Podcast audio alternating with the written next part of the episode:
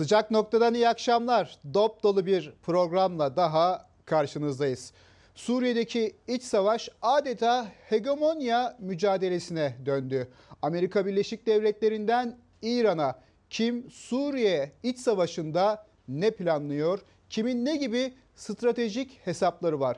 Hepsini az sonra ekranlara getireceğiz. Çiftlik banktan sonra şimdi bir de tanker bank çıktı ortaya. Yüksek kar vaadine inananlar ellerinden ellerinden de oldu. Sistemin detaylarını az sonra ekranlara getireceğiz. Gabon'daki darbe girişimi ve Amerika Birleşik Devletleri'ndeki hükümet krizi de az sonra bu programda olacak.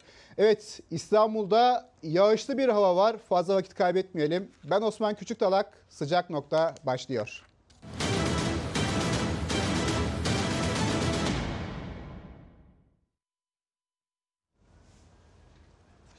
İlk durağımız Suriye. Suriye iç savaşında ne yazık ki 8 yıl geride kaldı. Bu süreçte pek çok bölge ülkesi iç savaşa müdahil oldu. Bir o kadar ülkede ne yazık ki Suriye iç savaşında farklı hesaplara sahip. Her birinin çıkarları, amaçları birbirinden çok farklı. Dediğim gibi Suriye iç savaşı adeta hegemonya mücadelesine dönmüş durumda. Peki Suriye'de kim neyi planlıyor, neyi amaçlıyor? Dosyamız gelsin ekranlara.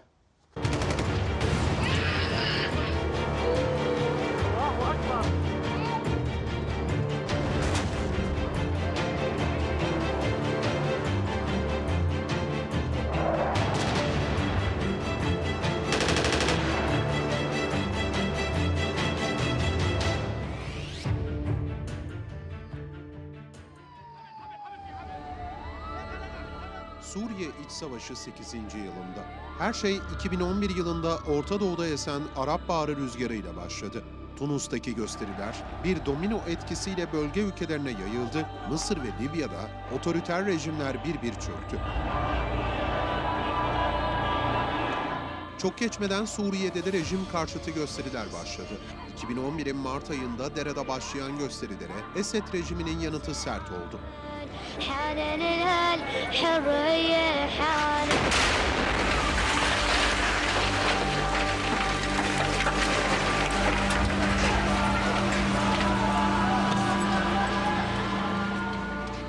Rejim güçleri kendi halkını hedef alınca ülke kısa süre içinde bir iç savaşa sürüklendi.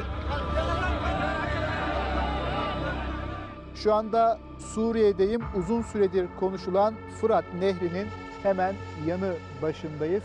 Karşıda gördüğünüz topraklar ise terör örgütü YPG ve PYD'nin işgali altında.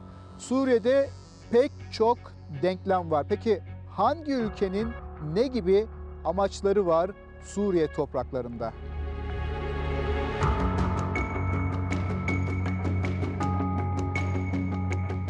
Suriye'de yaşananlar artık sadece bir iç savaş değil, Bölge dışı pek çok aktör ve küresel güçler de artık bu savaşın bir parçası. Rusya, Amerika Birleşik Devletleri, İran, Körfez ülkeleri ve İsrail. Her birinin Suriye'nin geleceğine dair farklı hesapları var ve tüm bu güçler Suriye'deki gruplar üzerinde bir vekalet savaşı sürdürüyor. Ne yazık ki bu vekalet savaşında kendi halkına varil bombalarıyla saldıran Esed rejimiyle de eli kanlı terör örgütleriyle de işbirliği yapmak mubah görülüyor. Amerika Birleşik Devletleri iç savaşın ilk günlerini uzaktan izlemeyi tercih etmişti. Ardından nasıl ortaya çıktığına dair soru işaretleri henüz giderilmeyen terör örgütü DAEŞ'in artan gücü Amerikan yönetiminin Suriye'deki iç savaşa müdahil olmasının da önünü açtı.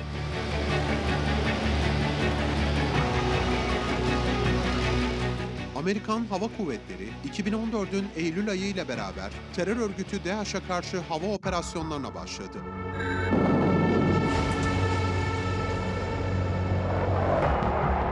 DAEŞ bahanesi olmazsa Birleşik Devletler'in neden Suriye'de olduğuna dair makul bir açıklama yok.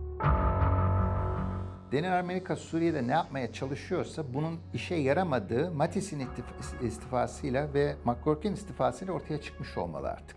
Yani bu iki şahsın istifa edecek kadar e, canına tak diyen bir durum yok aslında ortada. Çünkü baktığınız zaman Amerika'nın Suriye'de ne stratejik e, faydası var?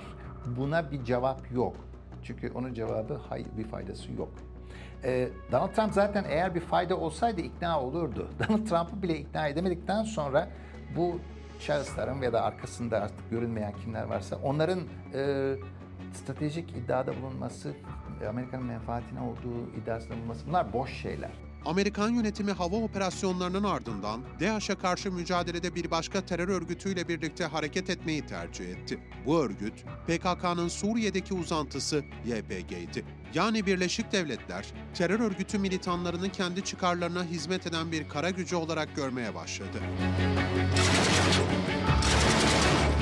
Trump'ın önceki hafta açıkladığı çekilme kararının ardından yapılan açıklamalar, Washington yönetiminin terör örgütünün hamiliğini bırakma konusunda halen isteksiz olduğunu ortaya koyuyor.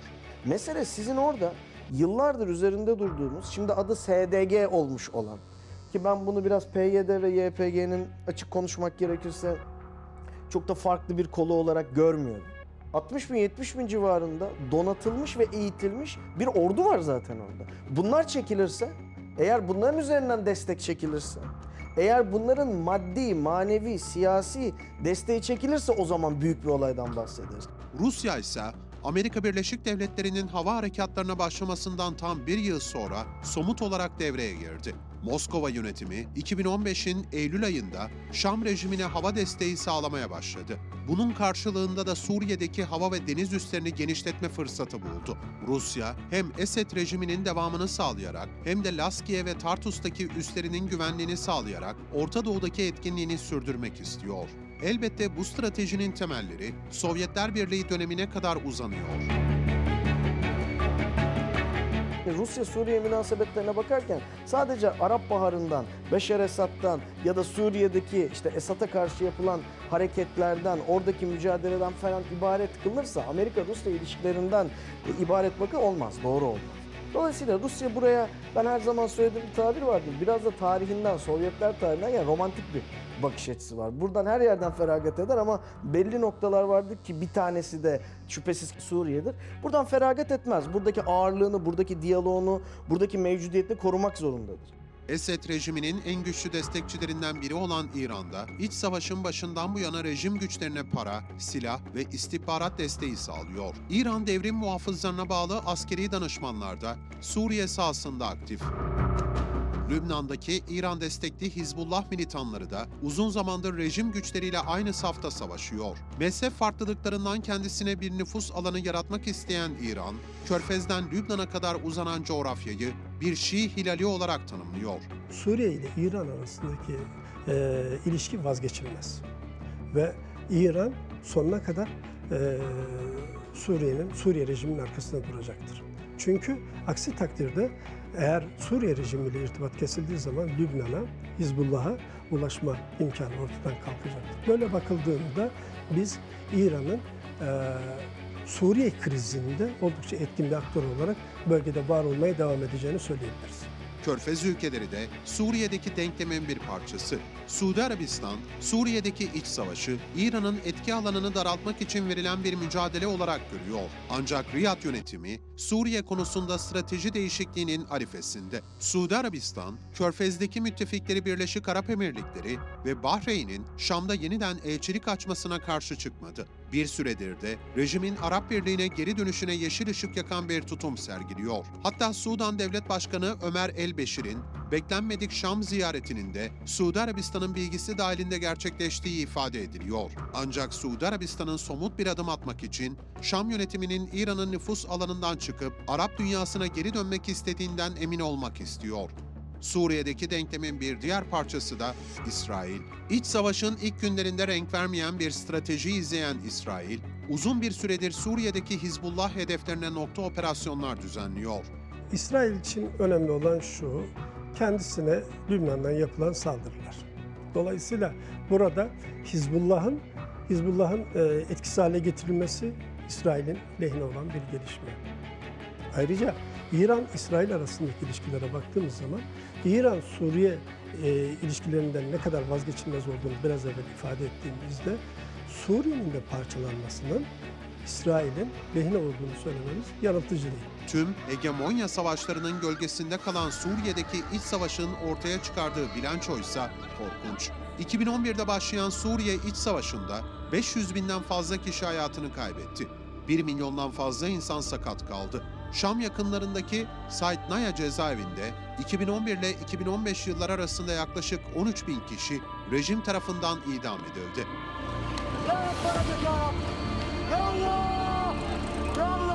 10 milyondan fazla Suriyeli ise doğdukları toprakları terk etmek zorunda kaldı.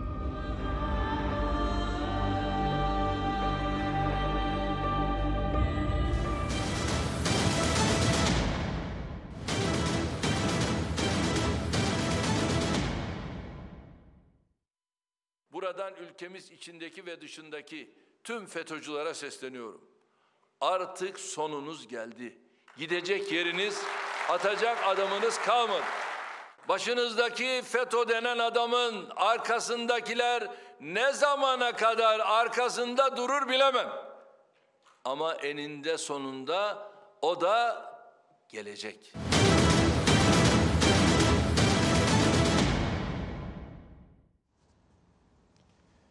Amerika Birleşik Devletleri ticaret savaşlarında sürekli Çin ile karşı karşıya geliyor. Yine Amerika Suriye'de ise özellikle Rusya ile sürekli karşı karşıya gelmekte.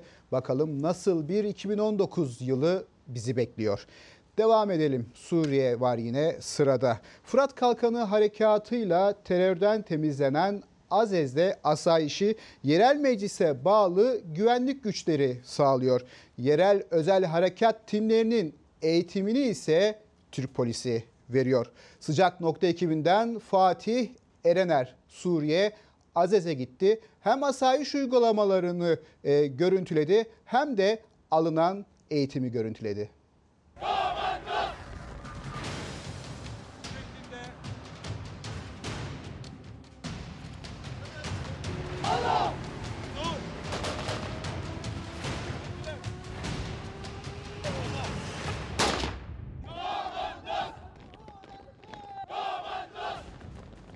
Fırat Kalkanı operasyonuyla terörden arındırılan Suriye'nin Azez ilçesinde büyük bir değişim yaşanıyor. Türk polisinin desteklediği yerel güvenlik birimleri, bölgede sağlanan istikrarın bir daha bozulmaması için her an teyakkuzda. Asayişi sağlamakla görevli olan güçler, özellikle nizami üniformalarla ve teknolojik teçhizatla donatılıyor. Ardından da Türk polisi tarafından profesyonel ve zorlu bir eğitime tabi tutuluyor. Azez'deyiz. Burası Fırat Kalkanı operasyonuyla teröristlerden tamamen temizlendi. Arkamda şu anda komandoslar yani buranın yerel özel harekat polisleri, Türk polisleri eşliğinde eğitim alıyor ve burada hayat günden güne daha bir düzene giriyor. Deneyimli Türk polisleri eğitimin her aşamasında Azez'deki yerel güçlere yol gösteriyor. Otobüse yürü şeklinde sen en başta aldın. Gidiyorsun. Yerel güvenlik güçlerine bağlı özel harekat timleri gerekli kriterlere sahip ekipler arasından özenle seçiliyor. Aldıkları eğitimse 3 ay boyunca aralıksız olarak devam ediyor. Eğitimi tamamlayanlar göreve başlıyor ve bu eğitimler onlar görev başındayken de belirli aralıklarla tekrarlanıyor. Bu zorlu eğitim önce sporla başlıyor. Ardından da özel harekat timlerine olaylara nasıl müdahale edecekleri öğretiliyor. Terör operasyonları sırasında meskun mahallelerde yaşanabileceklere dair eğitimlere ise ayrı bir önem veriliyor. Eğitime göre bir binada teröristler var ve işte komandoslar yani buranın yerel özel harekat polisleri önce araca binecekler ve ardından da teröristlerin olduğu binaya intikal ederek operasyon gerçekleştirecekler. Eğitim senaryosuna göre Azez'de özel harekat timleri teröristlerin bulunduğu binaya bir otobüsle intikal ediyor. İlk timin görevi binanın çevresinde gerekli güvenlik tedbirlerini almak. İkinci timse binaya girerek büyük bir titizlikle operasyonu icra ediyor.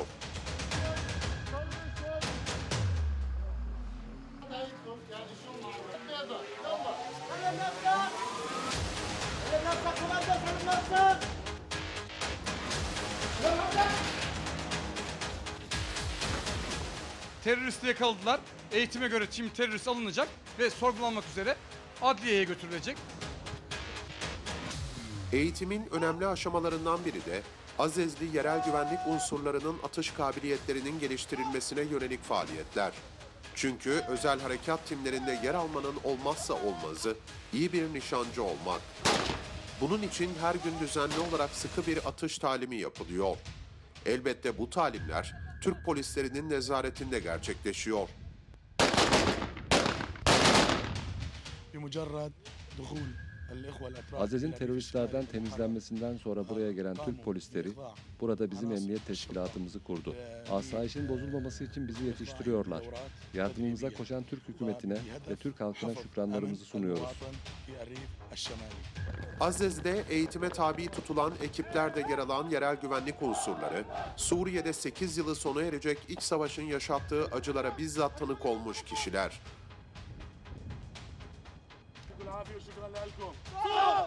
Bu nedenle de sağlanan istikrar ortamının kıymetini herkesten iyi biliyorlar.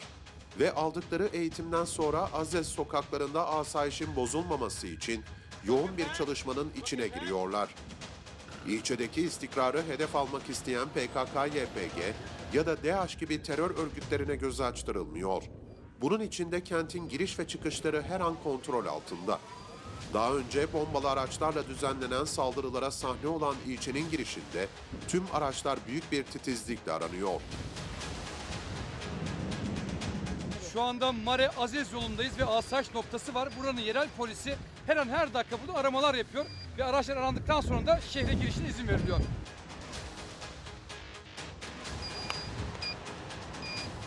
Sağlanan huzur ortamının bozulmaması için alınan tedbirlerden biri de araçların trafik tescillerine yeniden başlanması. Bunun için Azez'deki emniyet birimleri bünyesinde bir trafik tescil bürosu kuruldu. Artık ilçedeki her araç kayıt altına alınıyor ve plaka veriliyor. Aziz'de plakalar 3 kategoriye ayrılmış durumda. Mavi plakalar polislere, beyaz plakalar sivil vatandaşlara, siyah plakalar ise yerel meclis üyelerine veriliyor. Trafik tescil uygulaması sayesinde şüpheli araçların tespiti çok kolay olacak ve bombalı araç saldırıları da tamamen sona erecek. Azez'deki asayişin devamlılığı için devreye sokulan bir başka uygulama ise kentin sokaklarına yerleştirilen MOBS kameraları. Şehrin çeşitli yerlerine kameralar konuldu. Bir nevi burası MOBESE merkezi. Bütün görüntüler buraya geliyor ve 24 saat boyunca başında bekleyen polis memuru da o görüntüleri inceleyerek asayişe katkıda bulunuyor. Azez'de asayişin sağlanmasından sorumlu unsurlar, kentte kurulan yerel meclisle de sürekli yakın temas halinde. Terörden temizlenen ilçede sağlanan huzur ortamı ve yaşanan değişim, Türkiye'nin Fırat'ın doğusu ve Münbiç'in terörden arındırılmasından sonra hayata geçirmek istediklerinin de teminatı.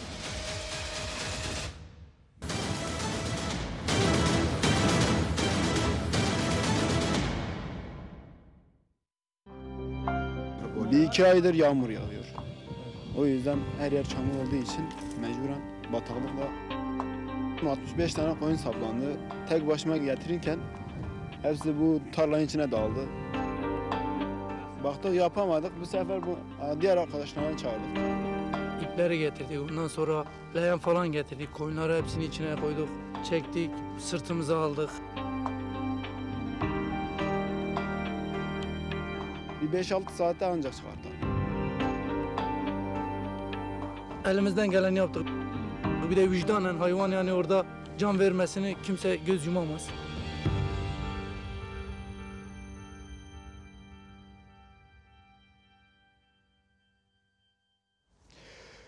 Türkiye nitelikli dolandırıcılık kavramını Sülin Osman ile öğrenmişti. Artan iletişim olanakları sayesinde dolandırıcılar artık kısa sürede çok fazla kişiye hemen ulaşabiliyorlar. Yine Türkiye geçtiğimiz yıl çiftlik bank dolandırıcılığına tanıklık etmişti. Şimdi ise gündemde Tanker Bank var. Biz de Giresun'a giderek Tanker Bank'ın izini sürdük.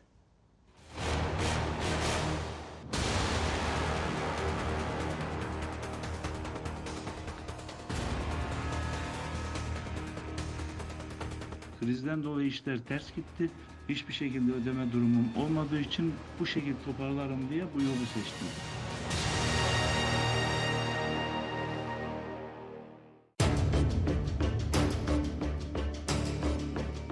Türkiye nitelikli dolandırıcılık kavramıyla ilk kez 1950'li, 1960'lı yıllarda tanıştı. Sülün Osman lakaplı Osman Ziya Sülün, İstanbul'daki Galata Köprüsü'nü, tramvayları, Galata Kulesi'ni, Kız Kulesi'ni, Eminönü ve Dolmabahçe saat kulelerini, hatta şehir hatları vapurlarını satarak ün kazanmıştı. Şikayetler üzerine tutuklanan Sülün Osman, konulduğu cezaevinde ise mahkumlara alın teriyle yaşamak adlı konferanslar veriyordu. Türkiye, 90'lı yıllardaysa bu sefer Titan Saadet Zinciri adlı dolandırıcı şebekesiyle tanıştı. O yıllarda 30'lu yaşlarda olan Kenan Şeranoğlu 16 bin kişiyi dolandırdı. Tutuklanan Şeranoğlu uzun yıllar cezaevinde kaldı. 16 bin kişi ise yüksek kar oranı beklerken ellerindeki tüm birikimlerini kaybetti. Teknoloji geliştikçe dolandırıcılar da zamana ayak uydurdu. İnternet ve sosyal medya dolandırıcıların e, yeni araçları. Bu araçlar sayesinde daha yüksek sayıda insana çok hızlı ulaşabiliyorlar ve tuzak kurabiliyorlar. Halbuki geçmişte belki diğer bir insanı kullanarak birilerine yaklaşabiliyorlardı, bir aracı olabiliyordu ama şu anda böyle bir aracı olmadan işte bir telefonla, bir e, siteyle, e, sosyal medya hesaplarına ulaşarak onlara tuzak kurabiliyorlar. Sizleri alkışlamak istiyorum. Mafyamızda eksik olmadı. Türkiye, 2018'de ise Çiftlik Bank dolandırıcılığı ve Mehmet Aydın'la tanıştı. Çiftlik Bank'ta aslında ne Sülün Osman'dan ne de Titan Saadet Zinciri'nden farklıydı. Mehmet Aydın, yüksek kar oranlarıyla binlerce kişiden milyonlarca lira topladı. Sistemin inandırıcılığını artırmak içinse göstermelik çiftlikler büyük törenlerle açıldı. Bir haftadır çıkan dedikodulara e, kulak vermediğiniz için e, sizleri alkışlamak istiyorum.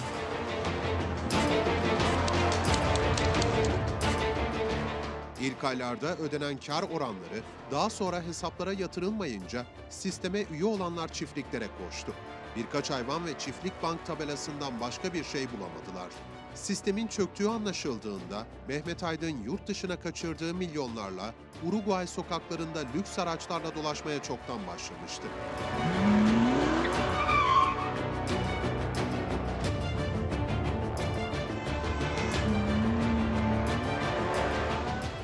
Mehmet Aydın, yurt dışından mağdurlar için bir de ses kaydı gönderdi.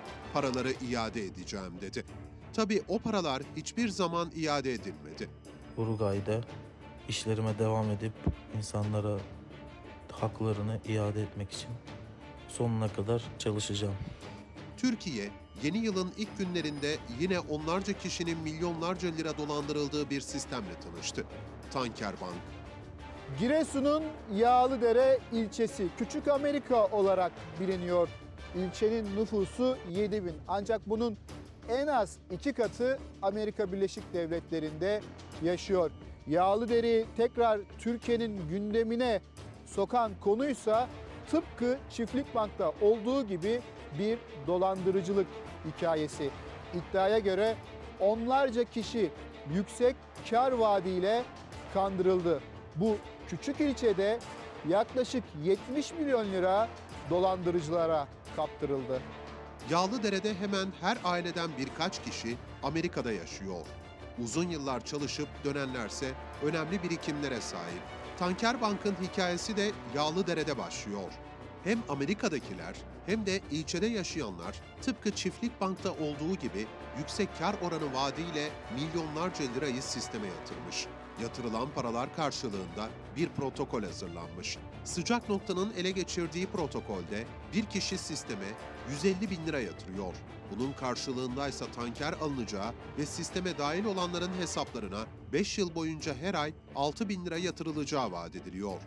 İddiaya göre Tanker Bank'ın hikayesi bundan 5 yıl önce başladı. Yüksek kar vaadiyle paralar toplandı ve ilk yıllarda düzenli ödemeler yapıldı. Böylece sisteme daha çok kişinin inanıp üye olması sağlandı.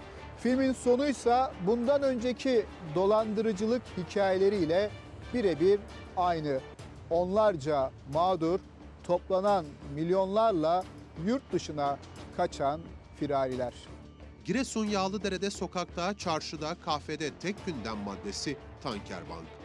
Tanker alacağımış uşaklar İstanbul'da bu şirket kuruyor. Ondan göre bir tanesi bizim, bizim muhtar mesela iki tane tanker alıyor. Veriyor ya o tabii bir iki üç aylık gönderiyor buna. Uğunda duyuyor, uğunda duyarken bizim Amerikacılar var. Adam de kaç yıl çalışmış orada. Kimisi 500 milyar, kimisi 1 trilyon. Garibin verdiği paralar hep burada neyse onlara tabii birer yem atmış ilk kafadan. Kim ilk görenler hep almış canım. Adamdan örneğin 100 milyar aldığı zaman aylık 8 milyar, 7 milyar bir ödeme yapacağını taahhüt etmişler. Öyle öyle vatandaşı kandırmışlar yani. Ortada milyonlar var. Tabii ortada milyonlar var. Mağdur sayısının tahmin edilenden çok olduğunu anlıyoruz. Buna rağmen ilçede kimse şikayetçi olmamış. Çünkü ortada bir ses kaydı var. Mustafa Ç. yolladığı ses kaydında paraları ödeyeceğini söylüyor.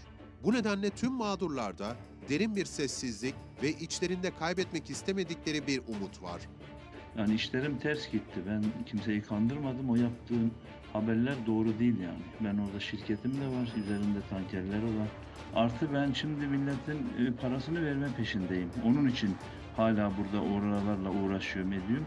Mart ayı sonu itibariyle de parasını vereceğim herkesin. e, Vermeye başlayacağım daha doğrusu. Hayali öyle şey olur mu? Hayali değil ki.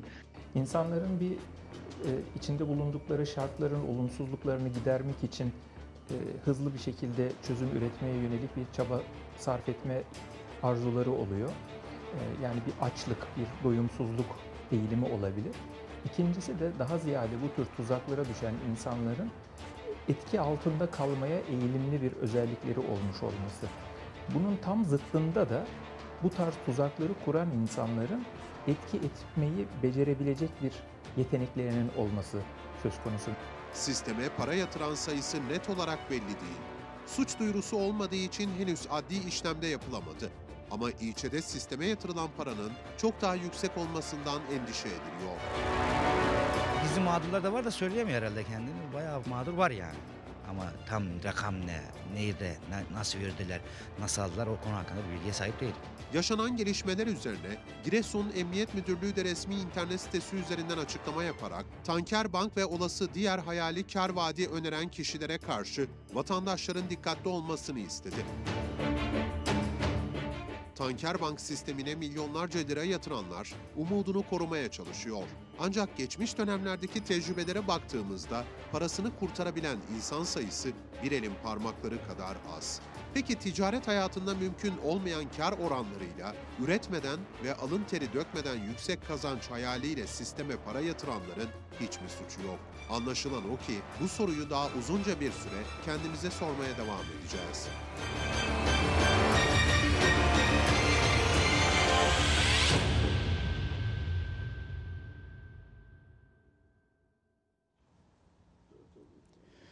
Üretmeden, çalışmadan, ter dökmeden kısa sürede zengin olma hayali kuranlar ne yazık ki bu tür tuzaklara kolaylıkla düşüyor. Biz de aman dikkat diyelim. Evet, hafta başında Afrika ülkelerinde ülkelerinden Gabon'da bir grup asker darbe girişiminde bulundu. Başarısız olan darbe girişiminin ardından bu girişimin arka planında kimlerin olduğu araştırılıyor. Oklar ise devlet başkanı Ali Bongo'ya muhalif olan aile bireylerini gösteriyor.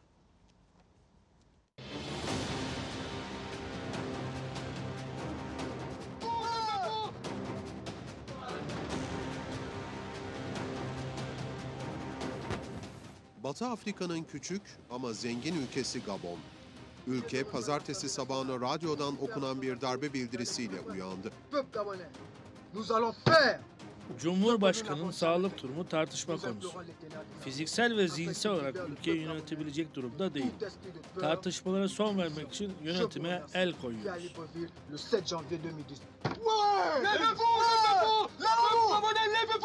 Kendilerini savunma ve güvenlik yurtsever cephesi olarak tanımlayan bir grup asker, ulusal radyoyu ele geçirdi.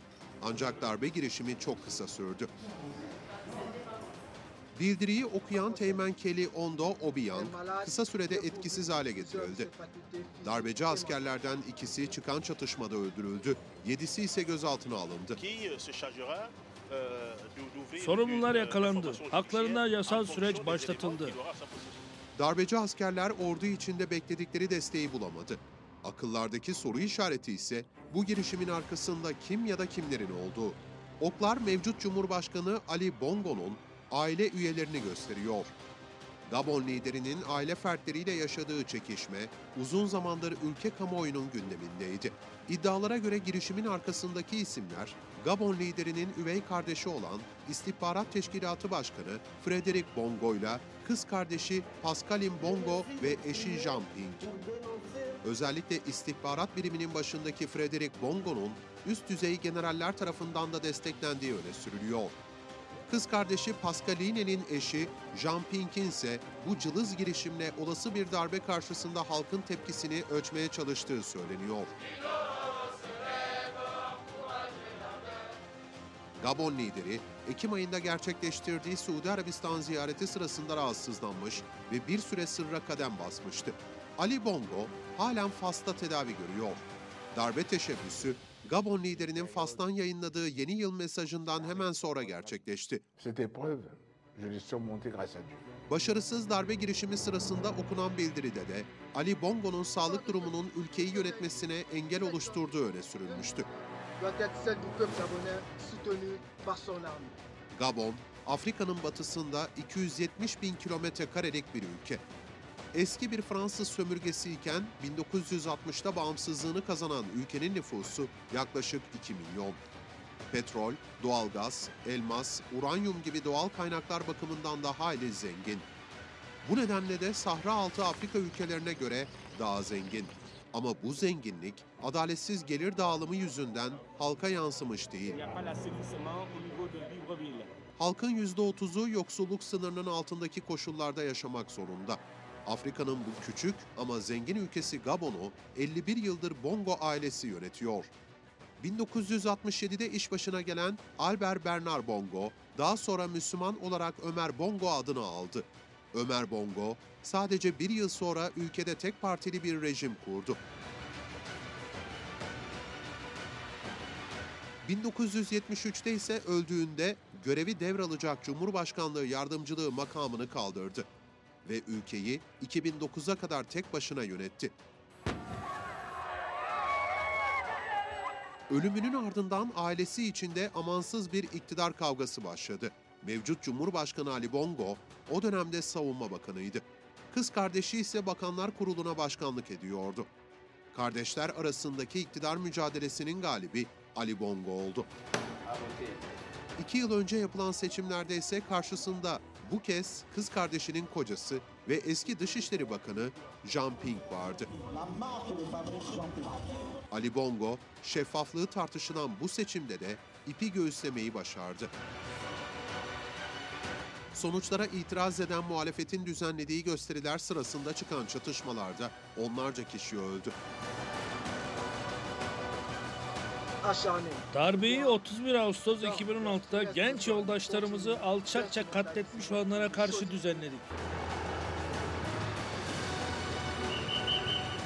Yaşanan bu ölümler hafta başında başarısızlıkla sonuçlanan son darbe girişimine de gerekçe olarak gösterilmişti. Sağ olarak ele geçirilen darbecilerin sorgusu sürüyor. Darbenin küçük bir grubun eylemi mi yoksa dışarıdan destekli bir girişim mi olduğu bu soruşturmanın sonunda ortaya çıkacak.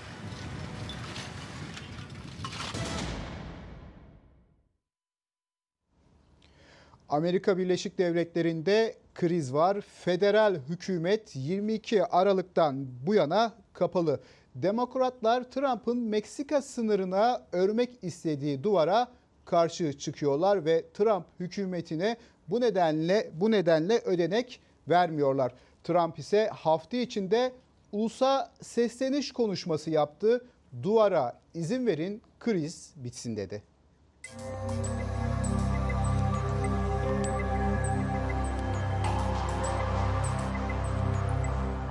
Guatemala'da bir köy. Toprağa verilen 7 yaşındaki kız çocuğu göç yoluna babasıyla beraber çıkmıştı. Zorlu bir yolculuğun ardından Meksika'ya geçip Amerika Birleşik Devletleri sınırına kadar ulaştı. Ancak burada babasıyla birlikte gözaltına alındı. Ardından da öldüğü açıklandı.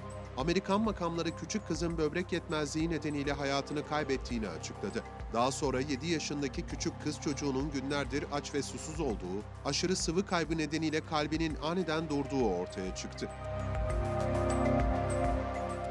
Ama sana Rika. Eşim de onun yanındaydı. Kızım onun gözlerinin önünde öldü ve gözaltında olduğu için hiçbir şey yapamadı. Jacqueline Kalmaguin, umut yolculuğunda yaşamını yitiren onlarca çocuktan sadece biri. Jackie did not have to die. Yoksulluğun ve şiddet olaylarının pençesindeki Orta Amerika ülkeleri, El Salvador, Honduras ve Guatemala'dan yola çıkan binlerce kişi daha iyi bir hayat için Amerika Birleşik Devletleri'ne doğru yürüyor. Yaban hayatının sürdüğü ormanları aşabilenlerin Amerika Birleşik Devletleri'nden önceki durağı Meksika.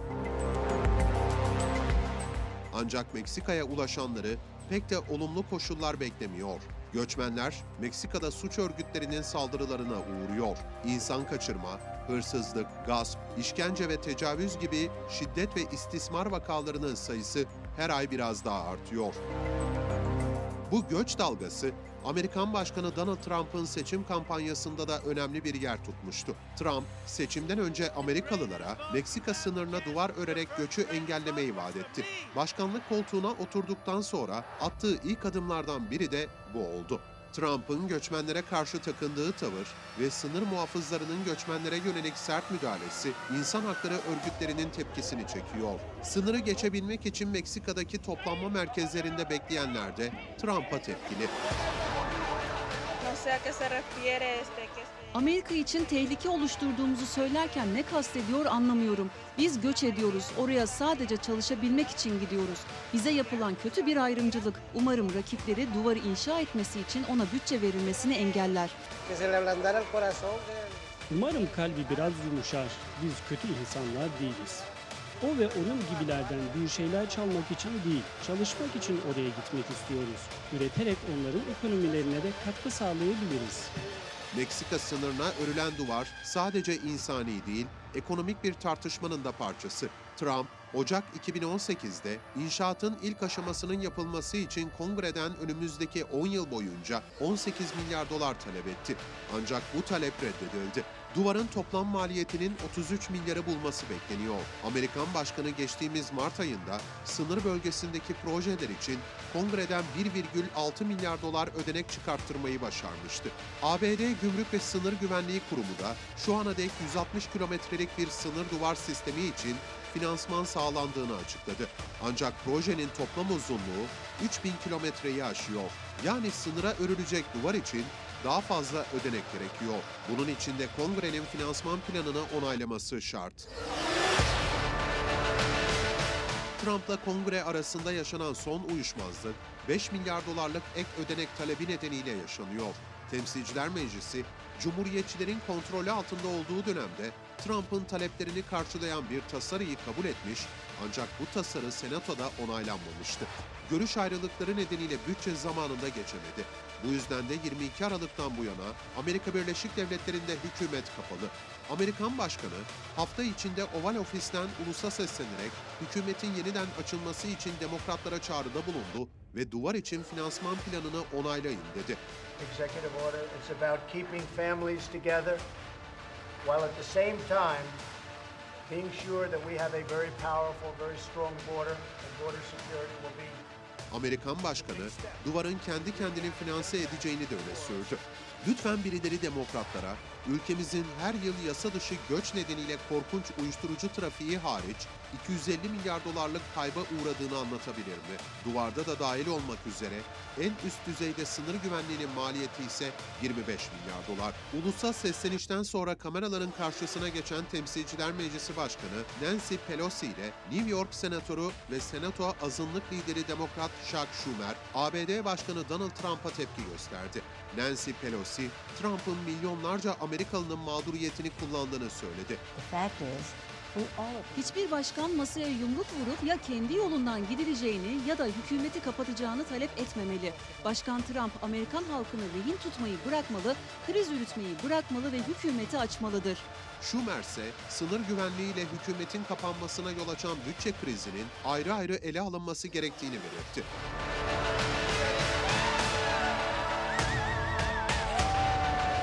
Amerikan Başkanı göçmen sayısının arttığı sonbahar aylarında Honduras ve Guatemala devlet başkanlarıyla bir araya gelerek bu ülkeleri göçü durdurmaları konusunda tehdit etmişti. Donald Trump, göçün durdurulamaması durumunda her iki ülkeye de yapılan ekonomik yardımları sona erdireceğini söylüyor.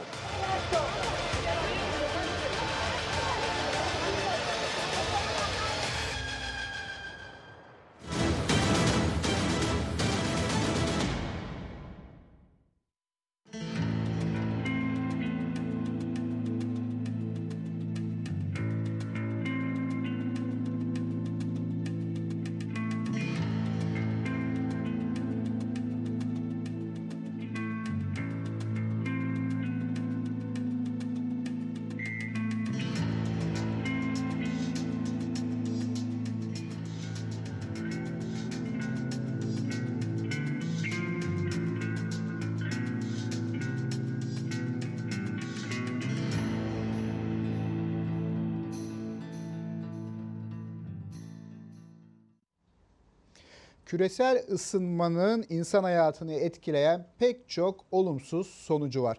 Peki küresel ısınmanın ticaret yollarını da değiştireceğini biliyor musunuz? Dosyamız gelsin ekranlara.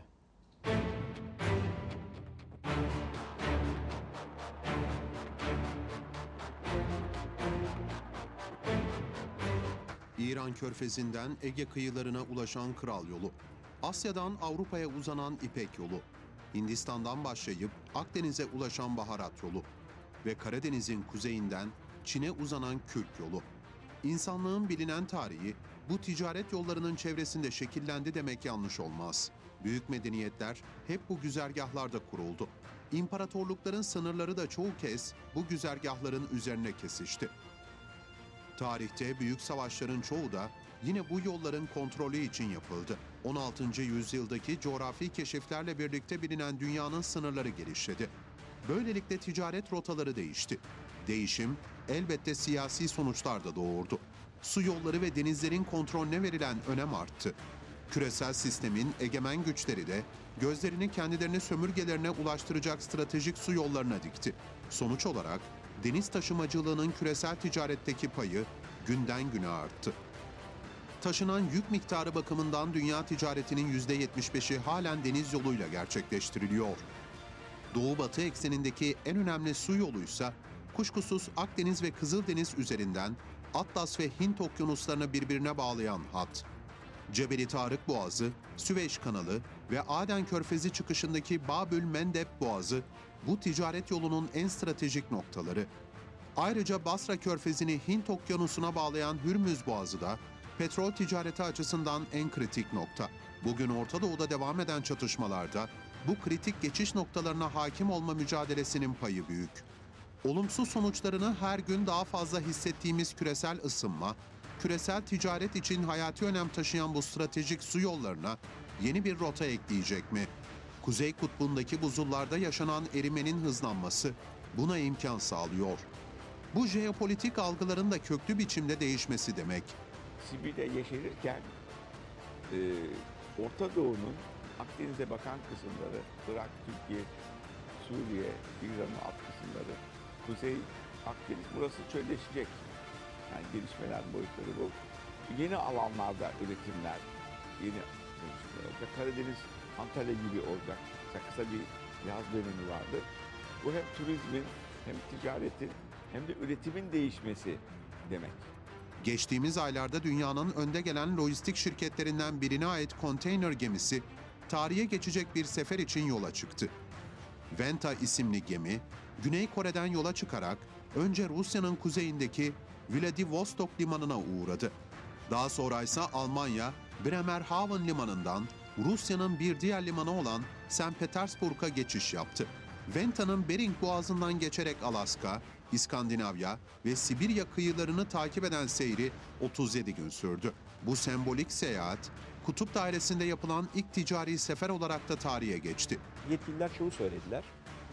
Dediler ki biz şu anda normal klasik geleneksel kanallar olan yani su e, rotalarımız olan, deniz rotalarımız olan e, Hint Okyanusu, Malakka Boğazı, arkasından e, Babel Mandeb Boğazı, Kızıldeniz, oradan Süveyş Kanalı, Akdeniz'e çıkış, malum batıya doğru gidiş, Cebeli Tarık Boğazı ve Atlantik Okyanusu üzerinden e, de şeye gidebiliriz e, St. Petersburg'a.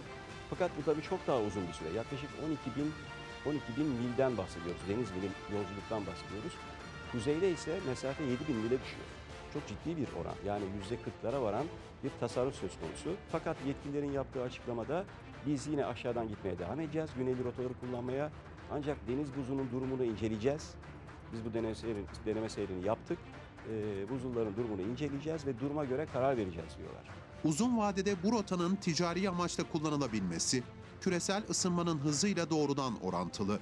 Bölgede kış mevsiminde seyir yapmak şimdilik mümkün değil. Ancak yaz mevsiminden Kasım ayına kadar olan dönemde gemiler bu bölgeyi kullanabiliyor. Ama burada hemen büyük Rusya önü, Norveç, İsveç falan böyle gidiyor. Onların alanları açılıyor. O soğuk ülkelerin alanları. Bu da onların e, ticaretinde yeni patlamalara neden olabilir. Yetişmedikleri ürünleri yetiştirmeye başlayabilirler. Zaten balık da çok önemli. Dünya ekonomisinin bel kemiği sayılan Doğu Asya pazarının lojistiği günümüzde Malakka Boğazı ve Süveyş kanalı üzerinden sağlanıyor. Ancak bu güzergah uzunluğunun yanı sıra Güney Çin denizindeki siyasi ve askeri gerilimden dolayı pek çok riski de barındırıyor. Küresel ısınmayla ortaya çıkan Kuzey Deniz hattı yolu yarı yarıya kısaltıyor. Böylece transit taşımacılığın süresi de 10-15 gün kısalıyor. Bilimsel verilere göre bu hattın gerçek anlamda kullanılır hale gelmesi 20 yılı bulacak.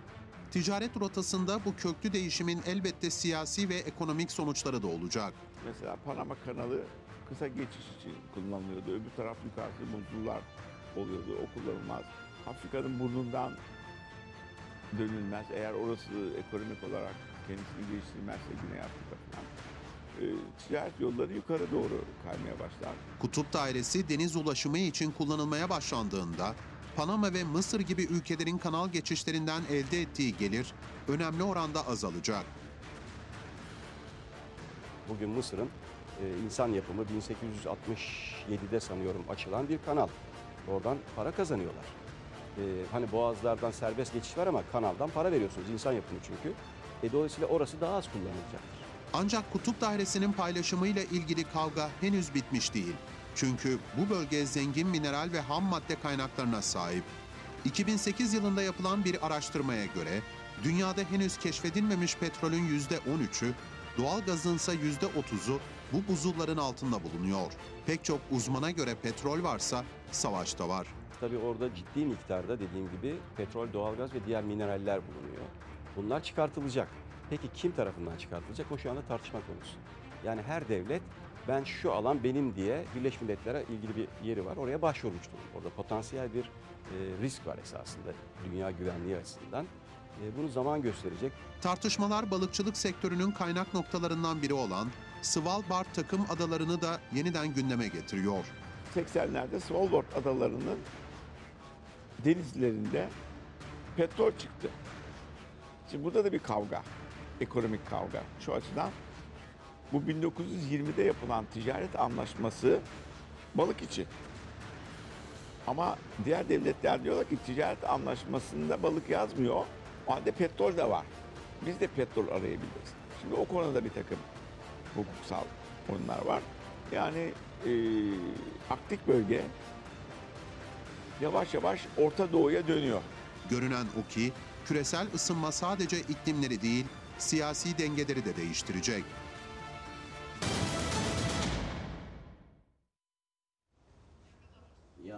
Sıcak noktanın bugünlükte sonuna geldik. Haftaya aynı gün ve saatte farklı bir sıcak noktada buluşmak üzere. Hoşçakalın.